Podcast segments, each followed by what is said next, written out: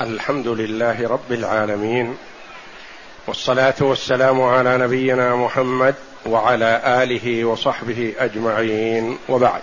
بسم الله. بسم الله الرحمن الرحيم. والصلاة والسلام على أشرف الأنبياء والمرسلين نبينا محمد وعلى آله وصحبه أجمعين. الحديث السابع والثمانون بعد الثلاثمائة.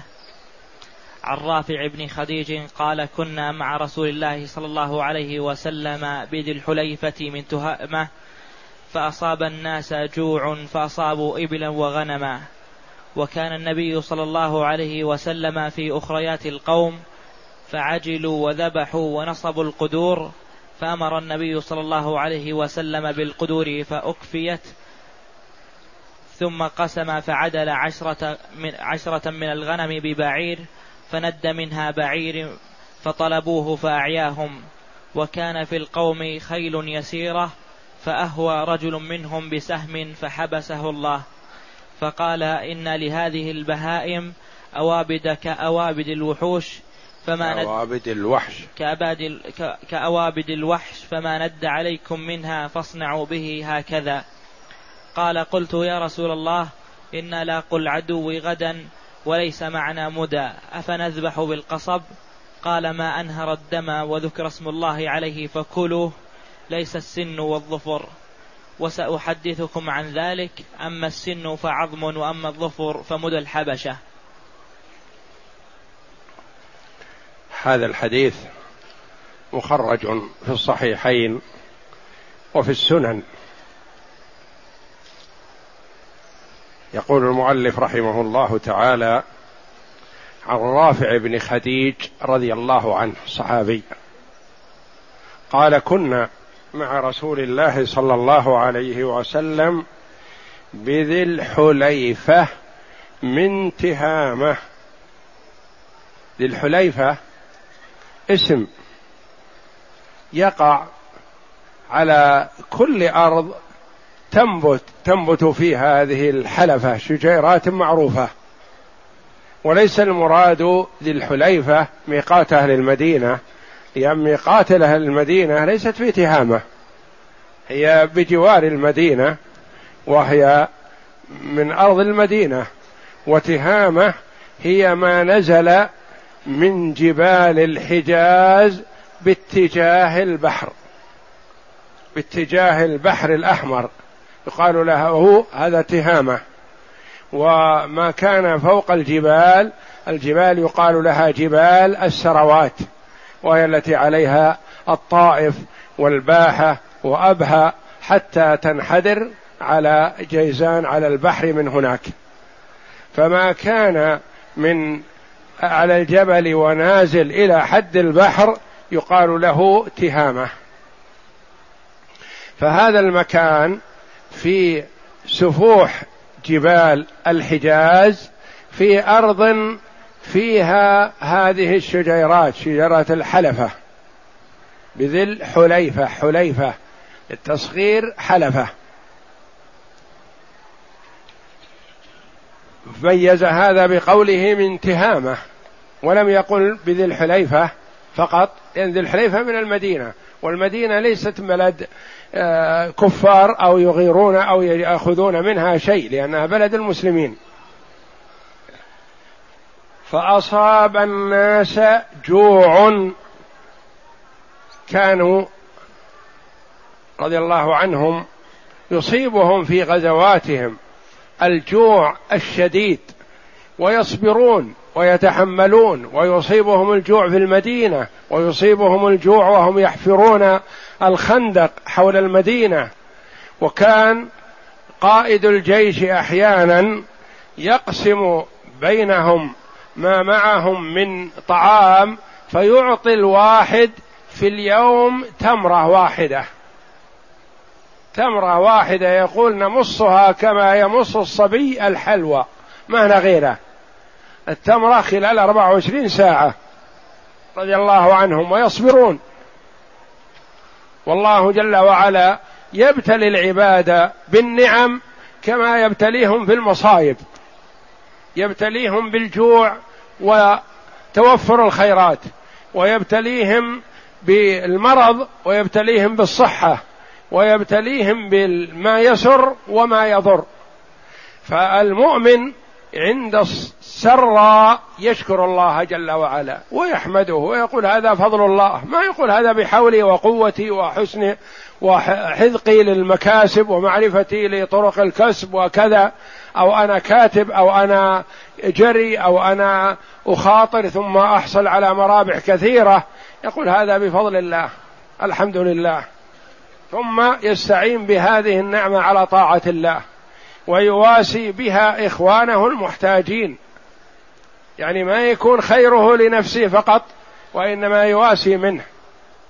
وإذا ابتلي بالمصيبة بالمرض بالفقر بالحاجة قال الحمد لله وصبر واحتسب وقال هذا خير لي الحمد لله. اختار الله لي الفقر لمصلحتي عن الغنى لأن الغنى ربما لو حصل لي أطغاني أو ضرني.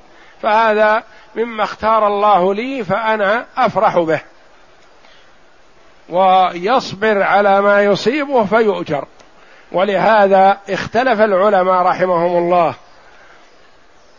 أيهم أفضل الغني الشاكر أم الفقير الصابر؟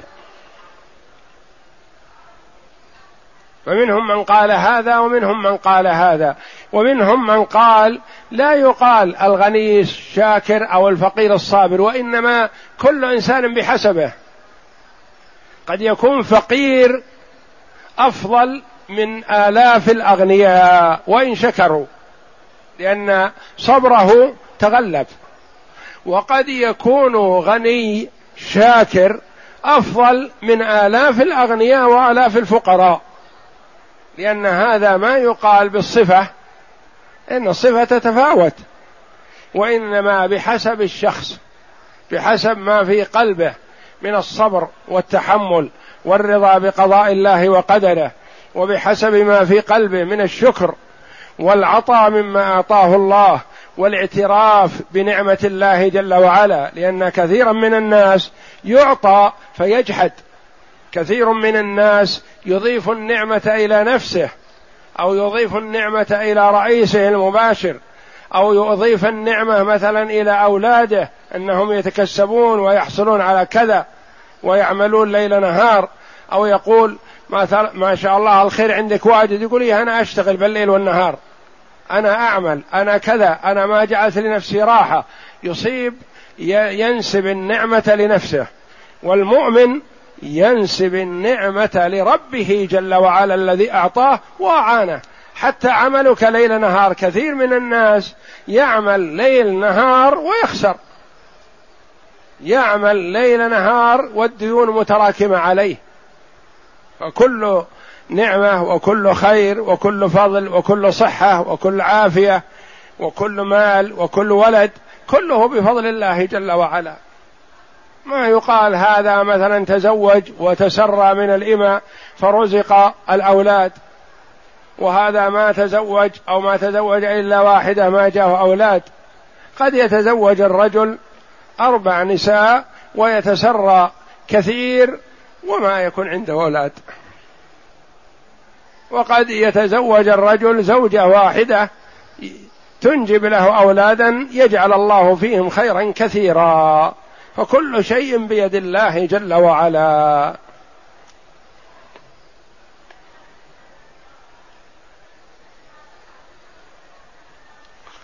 فأصاب الناس جوع. جاعوا جوعا شديدا.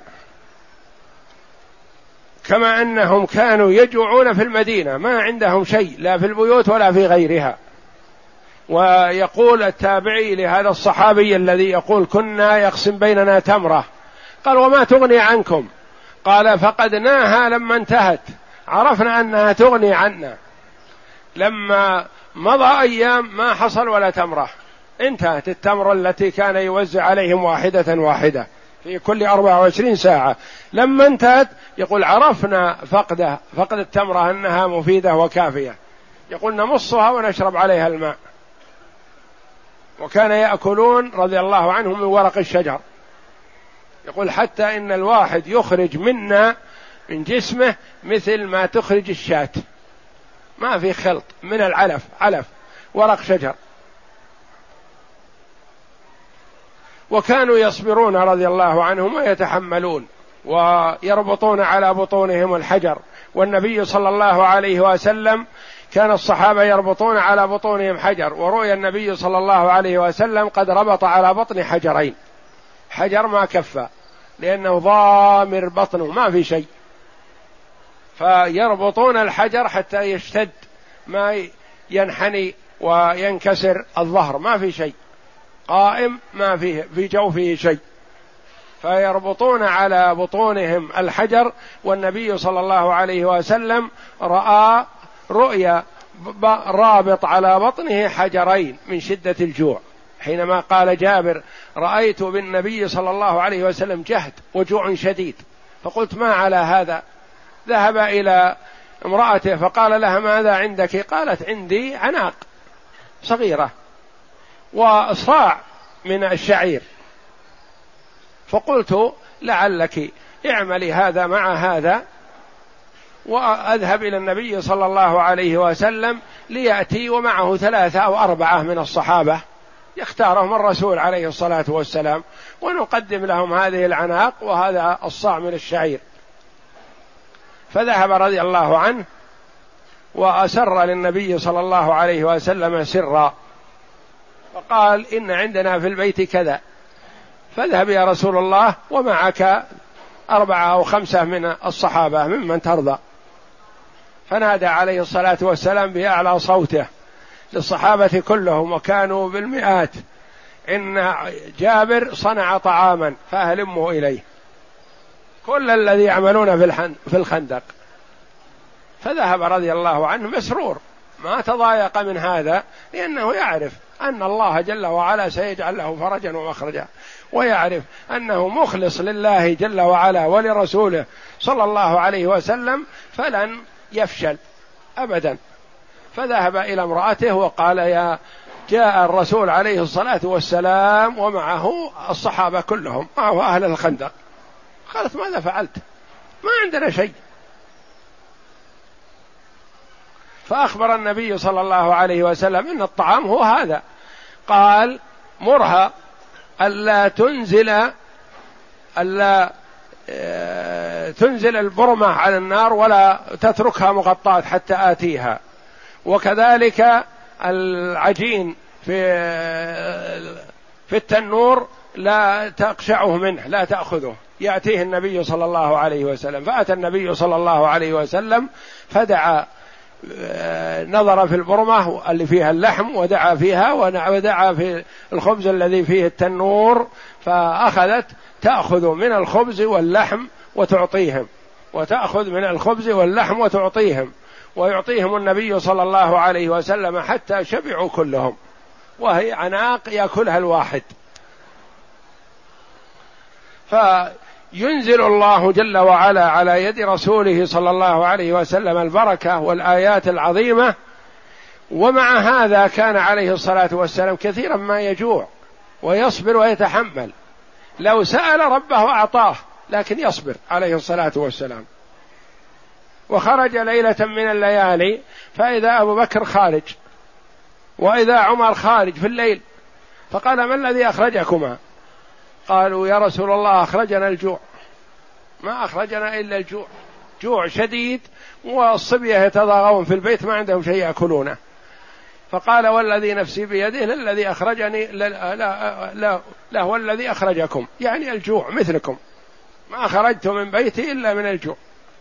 ثم ذهب بهم صلى الله عليه وسلم إلى أحد الأنصار واستضافوه وفرح بهم. ثم أطعمهم وأشبعهم فقال عليه الصلاة والسلام لتسألن عن هذا النعيم.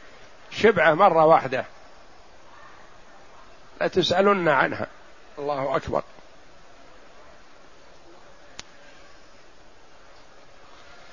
فأصاب الناس جوع جوع فاعل تكون. فأصابوا إبلا وغنما. أصابوها يعني غنموها من الكفار ولا أموال المسلمين ما تغنم ولا تؤخذ. أصابوا إبل وغنم. أصابوا الإبل والغنم وهم جياع جوع شديد والنبي صلى الله عليه وسلم كان من عادته يكون في أخريات القوم. يتفقد هذا وينظر حال هذا لأنه لو كان في المقدمة مثلا لا ربما من تخلف أو من تلف بعيره أو عجز أو نحو ذلك ما يدرى عنه. فكان النبي صلى الله عليه وسلم في الساقة في أخريات القوم يتفقد أحوالهم وكذا وهكذا ينبغي للقائد المصلح أن لا يذهب بالمقدمة ما يدري عن من خلفه لأنه لا يدري عنهم إلا إذا كان وراهم.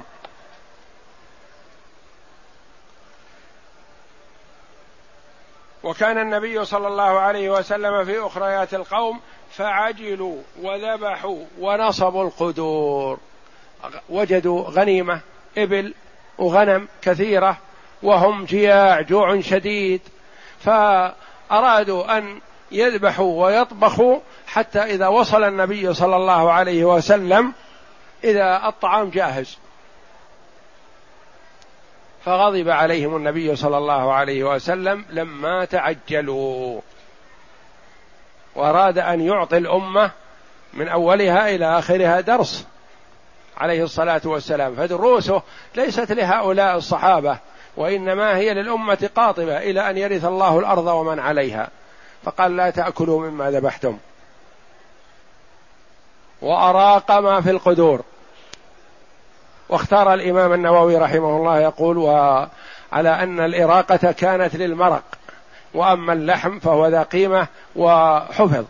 وجاء في بعض الروايات أنه كان يفركه في التراب يعني يتلفه عليهم حتى لا يأكلوا منه شيئا عليه الصلاة والسلام. لما فعل هذا عليه الصلاة والسلام؟ لحكمة. التمس العلماء رحمهم الله قالوا لعله لأن الناس قربوا من ديار المسلمين.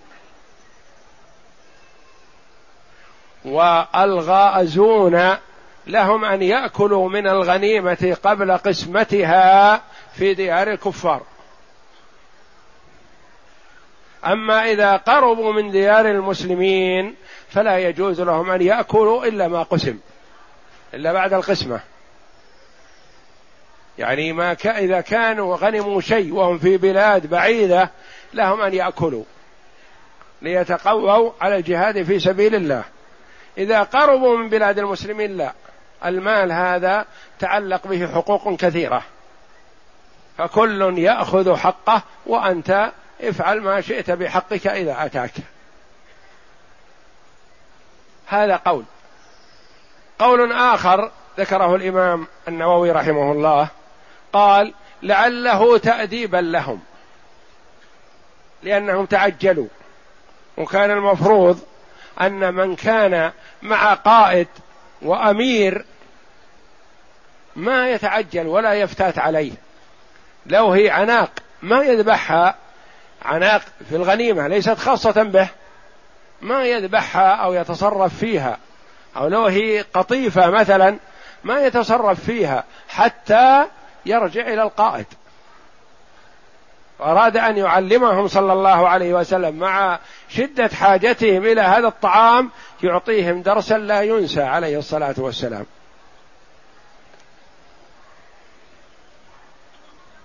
فأمر النبي صلى الله عليه وسلم بالقدور فأكفئت. حتى لا يتعودوا لهذا الفعل مرة أخرى. سواء كان لأنه لم يقسم أو لأنهم تعجلوا وافتاتوا على قائدهم رسول الله صلى الله عليه وسلم. ثم قسم. دليل على أن هذه غنيمة. لأنه ما نهاهم لأن هذا مال مسلمين أو منتهب لا يحل لا. وإنما هذه غنيمة. فقسم صلى الله عليه وسلم. فجعل عشر الشياه مقابل بعير. وهذه ليست قسمة على ضوء مثلا آه، ما كان في الأضاحي أو في الهدي. البدن عن سبعة في الأضاحي والهدي والشاة عن واحد. جعل عشر الشياه عن بدنه. دل هذا على أن الغانمين إذا غنموا ما يلزم أن تقسم الغنم عليهم كلهم. أو تقسم الإبل عليهم كلهم. وإنما يراوز فيها ويجعل السهم من الغنم مقابل سهم من الإبل أيا كان. وقالوا هذا بالنظر للقيمة لأن هذا ليس بالنظر للإجزاء وإنما النظر للقيمة. لأن من باب الإجزاء البعير ولو كان ضعيف. عن سبع شياه وإن كانت من أفخر الشياه. وقد تكون أحيانا الشاة أغلى من البعير. في شياه مثلا أحيانا تباع على ألف وألف وخمسمائة مثلا. بينما البعير قد يباع بثمانمائة ريال أو ألف ريال أو نحو ذلك. البعير عن سبعة مدام مجزئ والشاة عن واحد. بصرف النظر عن القيمة هذا في التشريع. أما في القسمة فقد يجعل عن البعير عشر شياه خمسة عشر شاة أكثر أقل لأن هذا يرجع إلى القيمة لأن قسمة أموال. ثم قسم فعدل عشرة من الغنم ببعير. يعني جعل العشر من الغنم مقابل بعير. قسم بين الصحابة رضي الله عنهم. فند منها بعير. ند بمعنى ذهب. وشرد. وهرب.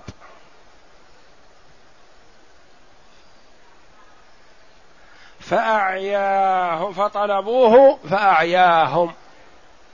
طلبوا هذا البعير فعجزوا. ما يستطيعون أن يصلوا إليه ما استطاعوا مع أنهم كثرة لكن ما استطاعوا سبقهم. ماذا يعملون؟ قال وكان في القوم خيل يسيرة.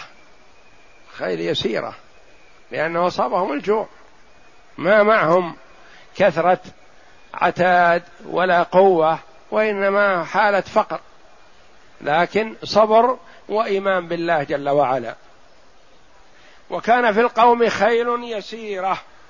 الخيل تسبق من حيث السبق لكن لصار الجمل شارد وصائل. ما حتى الخيل ما ما تستطيعه. تستطيع توصل لكن إذا وصل اللي على الخيل ما استطاع أن يقرب من من البعير الشارد.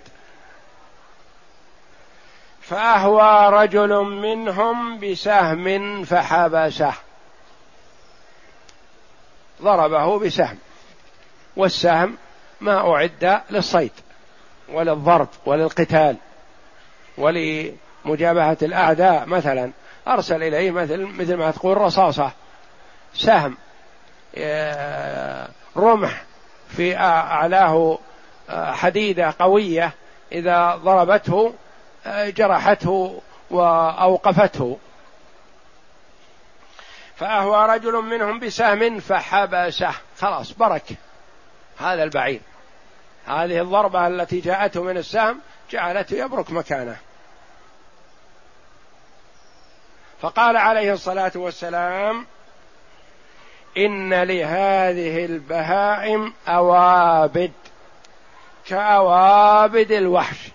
يعني في البهائم الإبل والبقر والغنم فيها شيء يكون متوحش مثل الظبا والضبعة والغزال وغيرها من الوحوش اللي ما تألف الناس تهرب. ولا يستطيعون مسكها بالأيدي إلا بالسهام أو بالبندقية ونحو ذلك. إن لهذه البهائم أوابد كأوابد الوحش. فما ند عليكم منها يعني هرب. فاصنعوا به هكذا يعني أي مكان تصيبه منه ويدميه يكون ذكاة له. البعير مثلا ند فأرسلت إليه سهم. فالسهم هذا دخل في بطنه. السهم جرح فخذه. السهم جرح ساقه فسقط فمات قبل أن يوصل إليه. مات من هذه الضربة بهذا الجرح. هذا زكاة له ونحر له وتحليل له. اصنعوا به هكذا يعني مثل الوحش مثل الظبا التي قدم لنا وغيرها وحمار الوحش وبقر الوحش. إذا أصابها المرء بالسهم من أي جهة؟ مع رأسه. مع صدرها مع فخذها مع بطنها مع خاصرتها مع أي مكان منها فجرح هذا زكاة له. رحمة من الله جل وعلا وتيسير للعباد.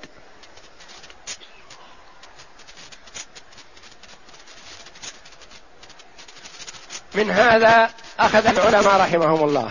قالوا الحيوانات التي يلزم فيها الزكاة.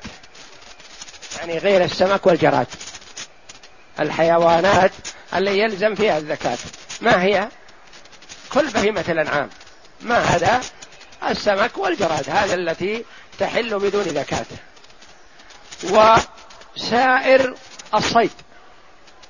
سواء كان طائر أو حيوانات كبار كبقر الوحش وحمار الوحش أو صغيرة قوع وغيرها مثلا كلها بقر غنم نقول لا يخلو. إن كانت مما يقدر عليه فلا تحل إلا بذكاة. لا تحل إلا بذكاة. وإن كانت مما لا يقدر عليه سنرجع للتمثيل. فيحاول القدرة عليها فإن لم يستطع فيرميها بأي شيء قاتل. فإن أدرك الزكاة فيها وجبت زكاتها. وإن لم يدرك الزكاة فيها حلت بهذه الضربة.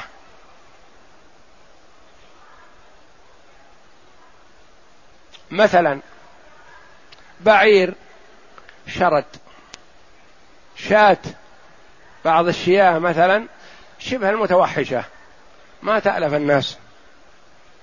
إذا انطلقت من سيارة ولا من حوش ولا من مزرعة هربت ما أحد يستطيع يصل إليها. فيطلق عليها سهم فيجرحها فيكفي ذكاتها إذا حاول المرء إمساكها واستطاع وجبت زكاتها. حاول إمساكها ولم يستطع. يرسل إليها ما تيسر مما يجرح. لابد أن يكون يجرح. يعني ما يرسل إليها حصاة كبيرة. فتضرب صدرها أو تضرب ظهرها وتبركها في مكانها بدون أن يظهر دم. لا هذا وقيف يعتبر. وإنما إذا جرحت يرسل إليها حصاة قوية محددة مثلا فتجرحها هذه زكاتها سواء كانت من بهيمة الأنعام المستأنسة إذا هربت أو من الوحوش. إن استطيع إلى ذبحها وجب الذبح ولا يكفي رميها. فمثلا لو كانت غزال في المزرعة أو في الحوش قال بدل ما نمسكها ونذكيها وكذا وكذا إلى آخره وأمسك يديها ورجليها نضربها بالبندقية مثل ما لو كانت في البر. نضربها بالبندقية وتكفيها. هل تحل؟ لا ما تحل. لأنه مقدور على ذكاتها فلا بد من ذكاتها. وكذلك أي نوع منها؟ إذا لم يستطع زكاتها فيكفي أن تجرح بأي شيء جرت العادة بالجرح بمثله.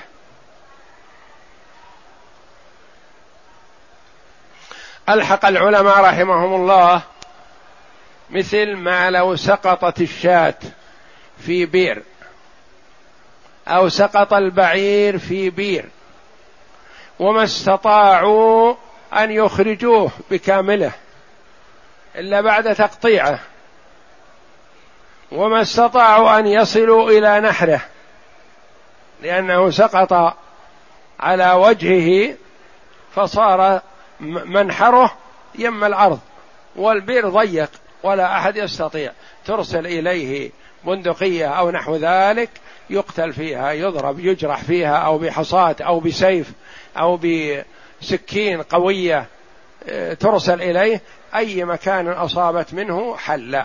لأنه عبارة كالناد كالهارب ما دام في البئر ما يستطيع الوصول إليه مثل لو كان في الصحراء. فيذبح بهذا ثم بعد هذا إذا أرسلت إليه البندقية ونحوها أمن من شره فينزل من ينزل عليه فيقطعه ويرقيه يصعده إلى من فوق. في البئر أو في حفرة أو نحو ذلك مثلا يكفي هذا.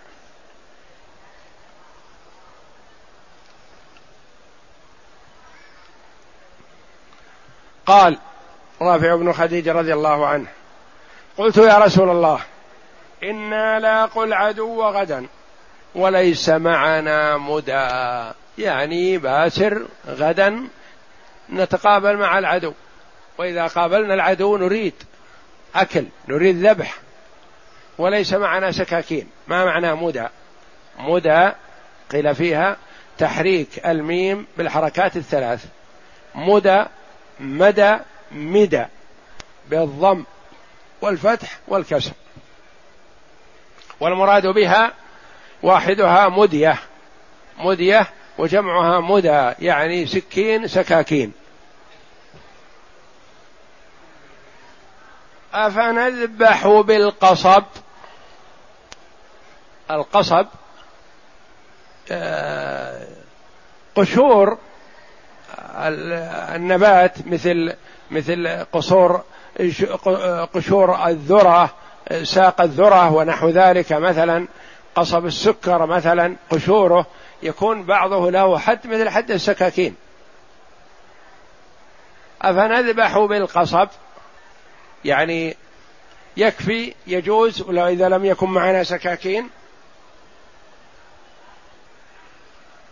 فقال عليه الصلاة والسلام وفي رواية أنهم قالوا نذبح بالمرو نذبح بكذا فقال عليه الصلاة والسلام ما أنهر الدم وذكر اسم الله عليه فكلوه ما أنهر الدم. أعطاهم عليه الصلاة والسلام قاعدة وقد أعطي جوامع الكلم عليه الصلاة والسلام. وحينما سأله الصحابة رضي الله عنهم قالوا يا رسول الله إنا نركب البحر ونحمل معنا القليل من الماء فإن وضع توضأنا بهذا الماء القليل الذي معنا عطشنا ما معنى ما نشربه؟ وماء البحر ما يصلح للشرب؟ أفنتوضأ بماء البحر؟ ظنوا أن ماء البحر ما يطهر لأنه مالح. فقال عليه الصلاة والسلام هو الطهور ماؤه الحل ميتته. أعطاهم الحكم الذي يسألون عنه وزيادة. وهكذا ينبغي لمن سئل عن شيء ما يتعلق به شيء آخر لم يسأل عنه ف لم يسأل عنه فيعطيه الجواب الذي يستفيد منه قدر المستطاع. فقال هو الحل ميتته هو الطهور ماؤه الحل ميتته عليه الصلاة والسلام. وهنا قال ما أنهر الدم وذكر اسم الله عليه فكلوه. ما قال ما ذبحتم بالقصص بالقصب بالحديد بالسكاكين بكذا بكذا. عدد بالمرو بالحجر لأن الحجر أحيانا يكون محدد. يذبح كسرة الحجر مثلا يكون طرفها مثل السكين وأقوى. فقال ما أنهر الدم وذكر اسم الله عليه يعني ما أخرج الدم وذكر اسم الله عليه فكلوه. ليس السن والظفر يعني هذا ليس استثناء يعني إلا السن لا تذبح في السن. أن بعض الجهلة مثلا إذا صاد الصيد وليس معه شيء يذبح به قال برقبته هكذا ونتفه بسنة أو نتفه بظفره. كما يفعل بعض الشباب جهلا. ليس السن والظفر. ثم إنه صلى الله عليه وسلم أخبر لما؟ قال وسأحدثكم عن ذلك. أما السن فعظم. يعني معناه كل عظم لا تذبح فيه.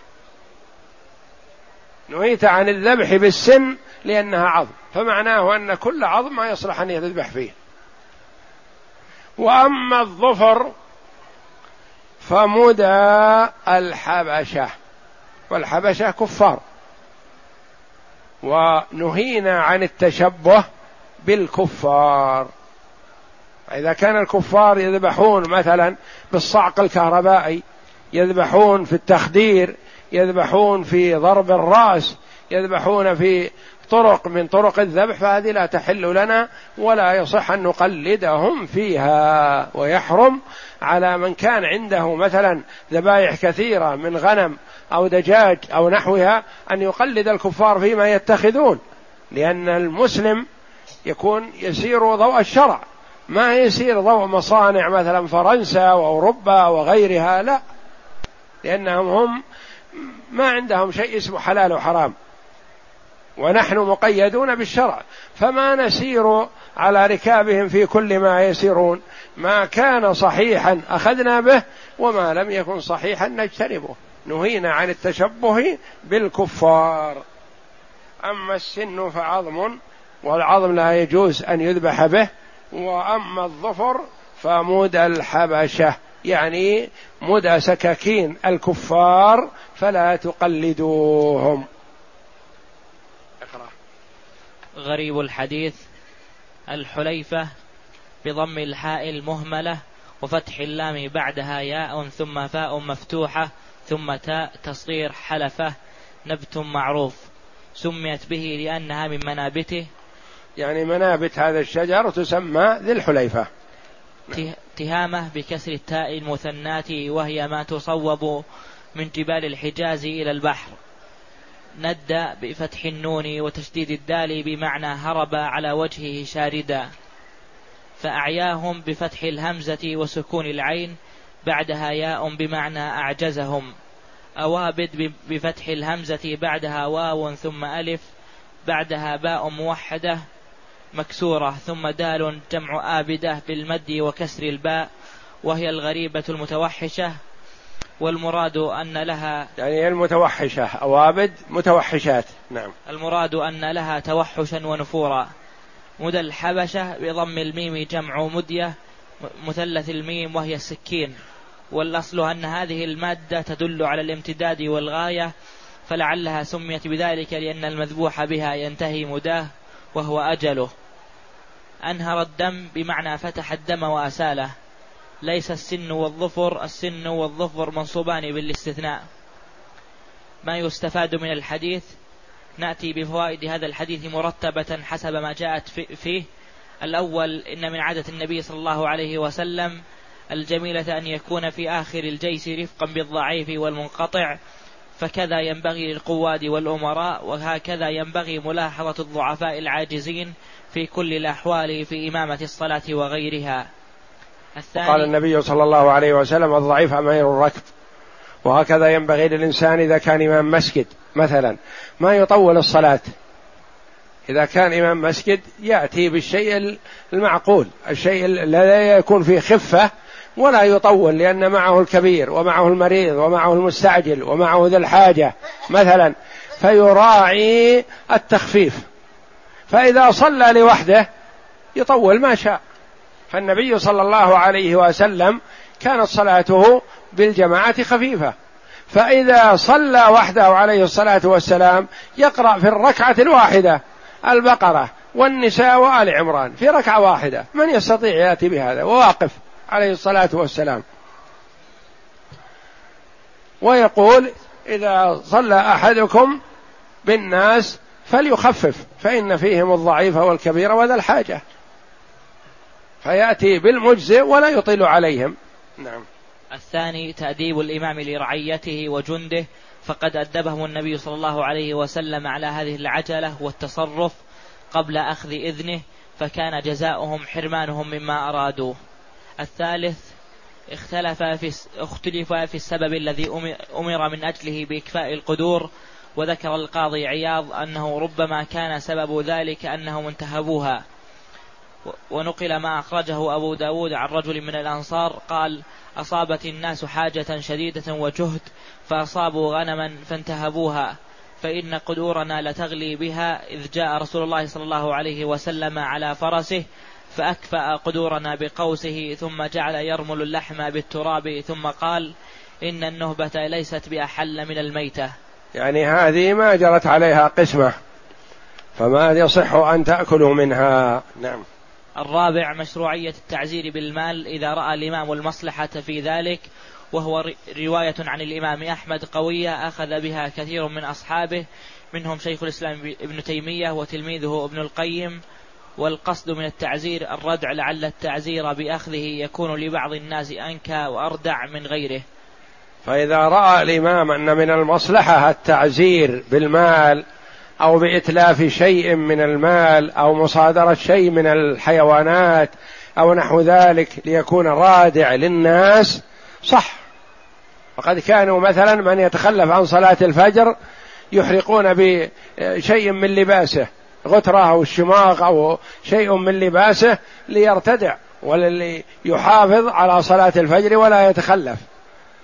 وهكذا مثلا من يقع في منكر أو يتساهل في مواشيه أو نحو ذلك فتصادر فهذا تشريع من النبي صلى الله عليه وسلم في تأديب الناس بمصادرة شيء من أموالهم تأديبا لهم لأن بعض الناس مهما ضربته أو أدبته أو حبسته لا يهمه لكن إذا تعرضت لماله يرتدع وينزجر ولا يحب أن يؤخذ من ماله فلس واحد.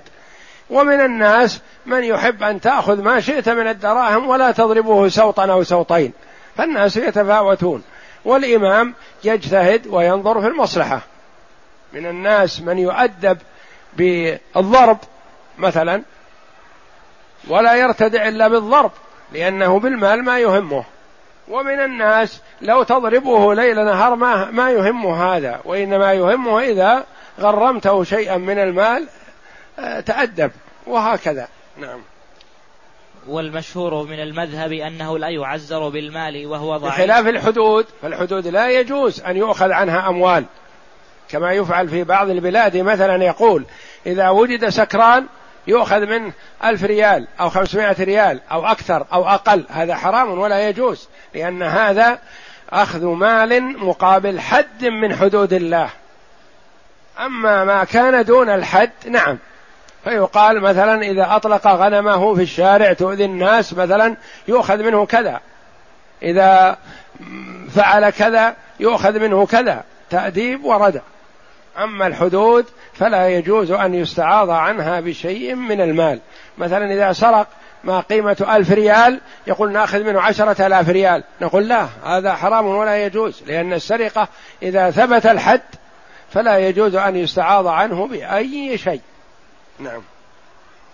وأما المشهور من المذهب فإنه لا يعزر بالمال وهو ضعيف لأنه مخالف لكثير من الأحاديث التي لم يثبت نسخها لتحريقه متاع الغال وتغريم السارق من غير حرز نصف ما سرق وتغريم جان على اللقطة قيمتها مرتين وغير ذلك. الخامس العدل لا سيما في موطن الجهاد لا سيما في موطن جهاد الأعداء والكفار لأنه من أسباب النصر والظفر, والظفر بالأعداء.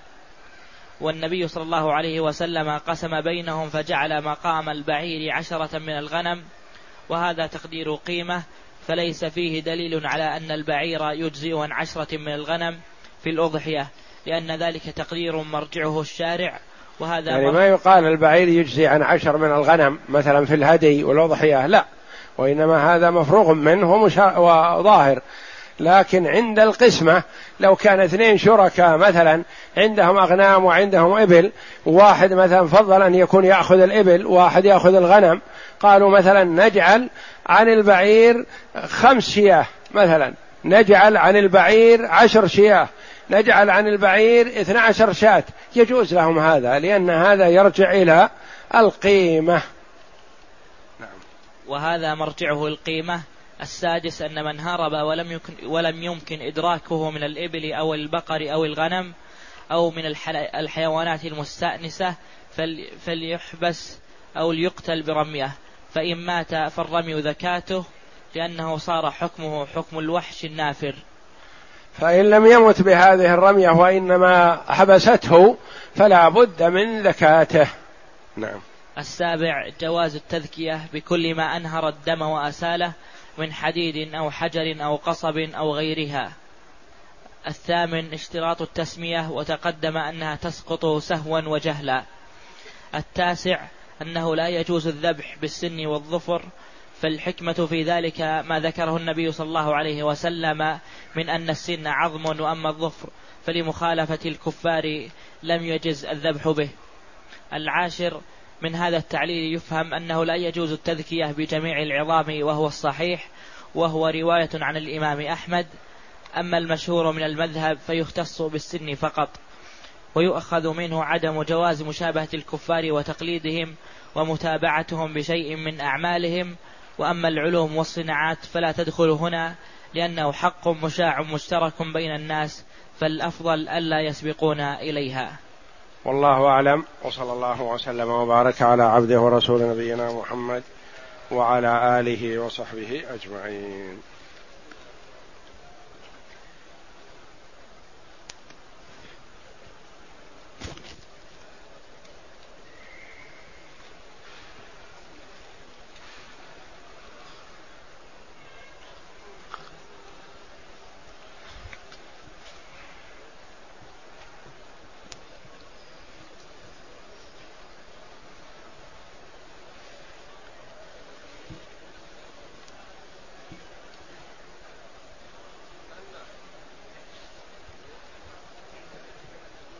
يقول السائل امرأة عندها ذهب وتزكيه سنويا وعندها ولد من رجل آخر وتريد التقرب إلى الله بهذا الذهب هل تتركه لولدها الوحيد أم أفضل لها أن تتصدق به؟ إذا كان لها أولاد غيره فلا يجوز أن تميزه تعطيه دون أولادها الآخرين. لقوله صلى الله عليه وسلم اتقوا الله واعدلوا بين أولادكم. أما إذا كان هو ولدها الوحيد سواء كان من زوجها الذي هي في عصمته أو من زوج آخر فلها أن تعطيه ما تشاء إذا لم يكن غيره أو أرادت العدل بينه وبين إخوته فلها التصرف في مالها بشرط الا يكون قصدها من هذا حرمان بقية الورثة. إذا قصدت حرمان الورثة الآخرين أعطت مالها لابنها أو لبنتها فلا يجوز هذا. وإذا سوت بينهم ولم تقصد حرمان الوارث من ميراثه فلها التصرف في مالها.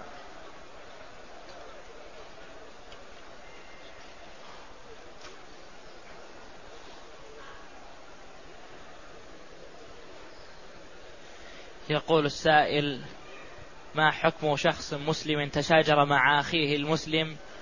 ولكن واحد أراد الصلح ورفض الثاني أرجو الإفادة. الأولى للآخر أن يتعاون مع أخيه ويستجيب للصلح لأن الله جل وعلا يقول لا خير في كثير من نجواهم إلا من أمر بصدقة أو معروف أو إصلاح بين الناس ومن يفعل ذلك ابتغاء مرضات الله فسوف نؤتيه أجرا عظيما. ويحسن للأخوين المسلمين إذا تشاجرا أن يتصالحا ويتسامحا وأن يدخل بينهم مصلح طرف ثالث ليصلح ما بينهم.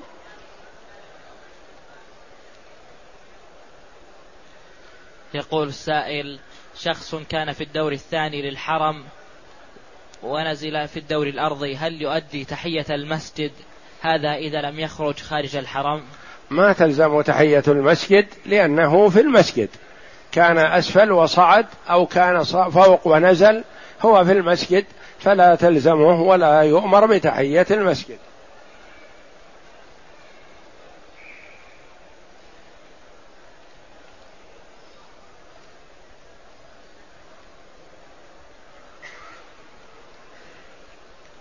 يقول السائل إذا هربت مني شاة وصدمتها وصدمتها سيارة فخ فخرقتها فهل يصح أكلها؟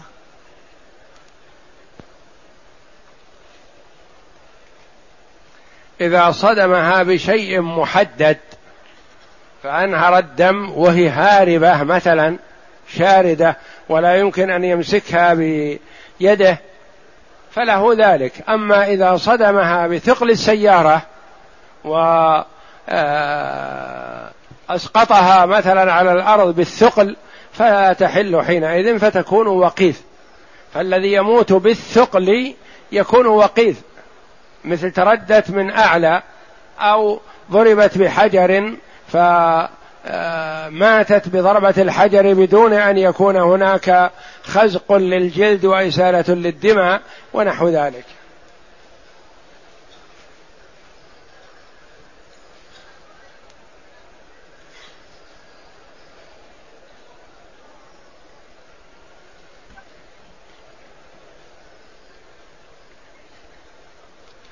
يقول السائل هذه غزوة والصحابة لديهم سيوف فهل يج لا يجوز الذبح بهذه بها, بها؟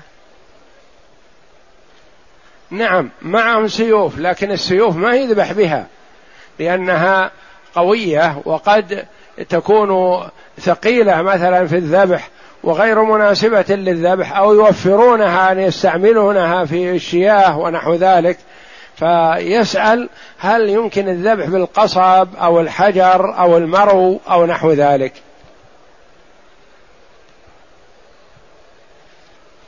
يقول السائل هلك هالك عن بنتين وبنت وبنت ابن وابن ابن ابن أنزل منهما فما نصيب كل منهما. هلك هالك عن بنتين وبنتي ابن. وإبن إبن إبن أنزل منهما فما نصيب كل واحد. هذا ابن الإبن يسمى الأخ المبارك للبنتين الثلثان. وبنت الإبن مع ابن الإبن النازل منهما لهم الباقي تعصيبا فهذا يعصب عمتيه.